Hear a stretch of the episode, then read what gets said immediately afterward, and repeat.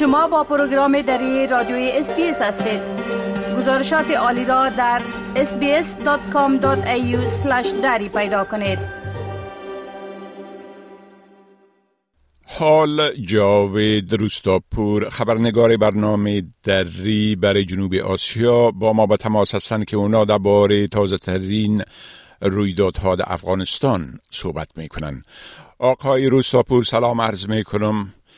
خب اولتر از همه گفتم ایشه که نظامیان سابق بار دیگر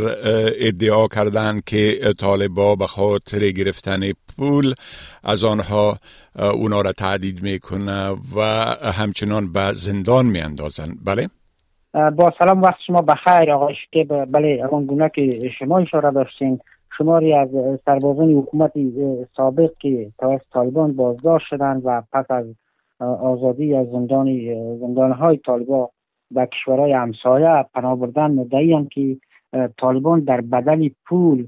در پول انگفتی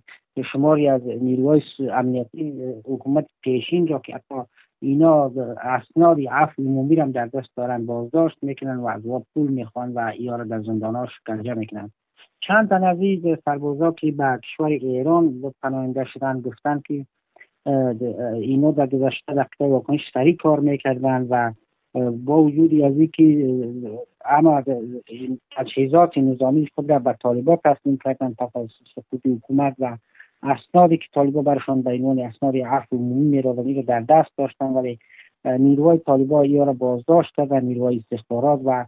شب تا صبح یا را سخت شکنجه می‌کردن و پس از یک ساعت 20 دقیقه شکنجه از اینو برای از بوشی تلفن در می‌دادن تا به خانوادهشون زنگ بزنن و بگن که مبلغ ده هزار دلار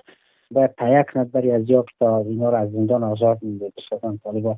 بعد گفته این نظامیان سابق طالبان اینا را کسایی را بازداشت می‌کنن به عنوان از که در زندان امنیت ملی هستند ولی بیشتر از 500 نفر در زندان های شخصی قماندان های طالبان هستند که اینا را بدون از اینکه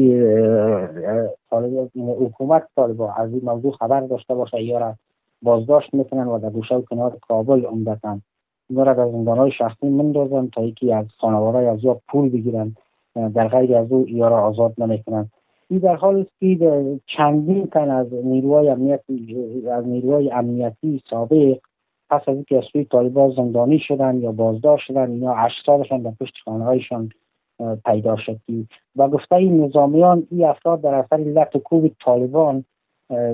جان میبازن و پس از اینکه جان باختن کشته شدن طالبان هم اشتادی از یارا در نزدیک جایی یا محلی که یارا بازداشت کرده بودن شبنگام اشتادشان رو می‌برن آزاد می‌کنن. اما حکومت طالبا در واکنش به این مسئله که در گذشته چند بار رسانه‌ای شده بود گفته که هیچ کس که طالبا پس از که عمومی اعلام کردن هیچ کس را بازداشت نکردن و این موضوع گفتن که یک سر اتهامات از سوی نظامیان پیشین علیه امارت اسلامی است به گفته طالبان. اما آقایان سیاسی به این باورند که طالبان آنچه که به عنوان عفو عمومی اعلام کردن یک شعار بیش نیست و به این مدت افسون برای که صدها نیروی نظامی را بازداشت کردن دهات هم در زیر اشکنجه طالبان در مرکز و ولایات جان دادن. بله خب همچنان گزارش ها میگه که طالبا یک شهرک به نام شهرک ناصر خسرو در بلخ غصبی دانسته و قرار است که این خانه ها را ضبط کنن و همچنان گفته میشه که حکومت طالبا در نظر داره که این خانه ها را به کسان مربوط به خودشان بتن. بله. بله دقیقا سخنگوی وزارت عدلیه طالبان گفته که زمین های شهرک ناصر خطه در شهر مزار شریف مرکز ولایت بلخ در شمال افغانستان غصبی هستند. عبدالحمید جهادیار گفته که پس از بررسی اسناد از سوی کمیسیون استراتژی زمین های غصب شده این شهرک غیر قانونی اعلام شد و چهار هایی که مردم ساخته بودند و یا تخریب کردند طالبان.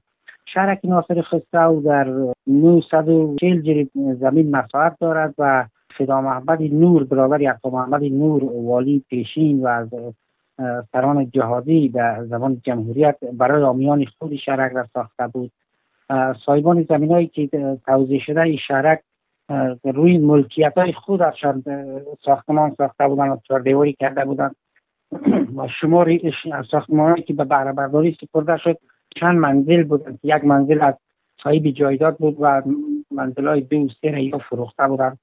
اما حالا طالبا اقدام به این کردن که این زمین ها را و جایداد ها را و خانه ها را از صاحبانشان پس بگیرن شکایت های صورت گرفته که طالبا عمدن و عمدتا افراد خود را پاوردن این شهرک جابجا کردن تعدادی از صاحبان خانه را تا یک هفته دو هفته سه هفته پیش یا بیرون کرده بودن و عملا این شهرک را خودشون گرفته بودن و حالا تازه به بانای از اینکه شهرک غصبی است زمین ها غصب شدن در حال که و گفته این مردم زمین ها اکثرا برای صاحبانشون تعلق دارند ولی طالبا عملا افراد خود در شهرک جابجا کرده بودند در گذشتم در دیگه ولایات طالبا این کار عملا انجام داده بودند بله خب همچنان گفته میشه که طالبا رسانه های آزاد برشان دستور داده که قبل از نشر مطالبشان اونا را از نظر مسئولان آژانس خبررسانی رسمی باختر بگذرانند. بله؟ بله اما گونه که شما اشاره کردین طالبا هرچند در گذشته این کار می‌کردن و به خصوص در کابل در هر رسانه بعد از زور یعنی که پیش از اینکه سرویس خبری شامگاهی رسانه ها خصوص تلویزیون نشر شد دو نفر از وزارت اطلاعات فرهنگ برای بررسی مجموعه خبرها و رسانه به خصوص به چند تلویزیونی مطرح که بیننده زیاد داشتند یا میفرستادن از اونها معاونین سخنگویان را و دفتر رسانه های حکومت تا محتوای نشراتی سرویس های خبری را بررسی و نظارت کنند که و کنند که چیزی خلاف دیدگاه طالبان به نشر نرسد. ولی عملا در تازه ترین یا در سراسر افغانستان به اساس مکتوبی که از طرف وزارت کار فرهنگ طالبان صادر شده تاکید شده که محتوای نشراتی رسانه ها پس از بررسی از سوی کارمندان آژانس اطلاعاتی باختر در ولایت که نمایندگی های باختر در هر ولایت هستند و همچنان یک نفر از طرف ریاست های اطلاعات فرهنگ طالبان بررسی شد و پس از بررسی محتوای نشراتی محتوای یا این برنامه ها به نشر رسانده شوند این موضوع طالبا به واکنش های جدی را در پیدا های صنفی خبرنگاری که در بیرون از افغانستان عمدتا فعالیت دارند و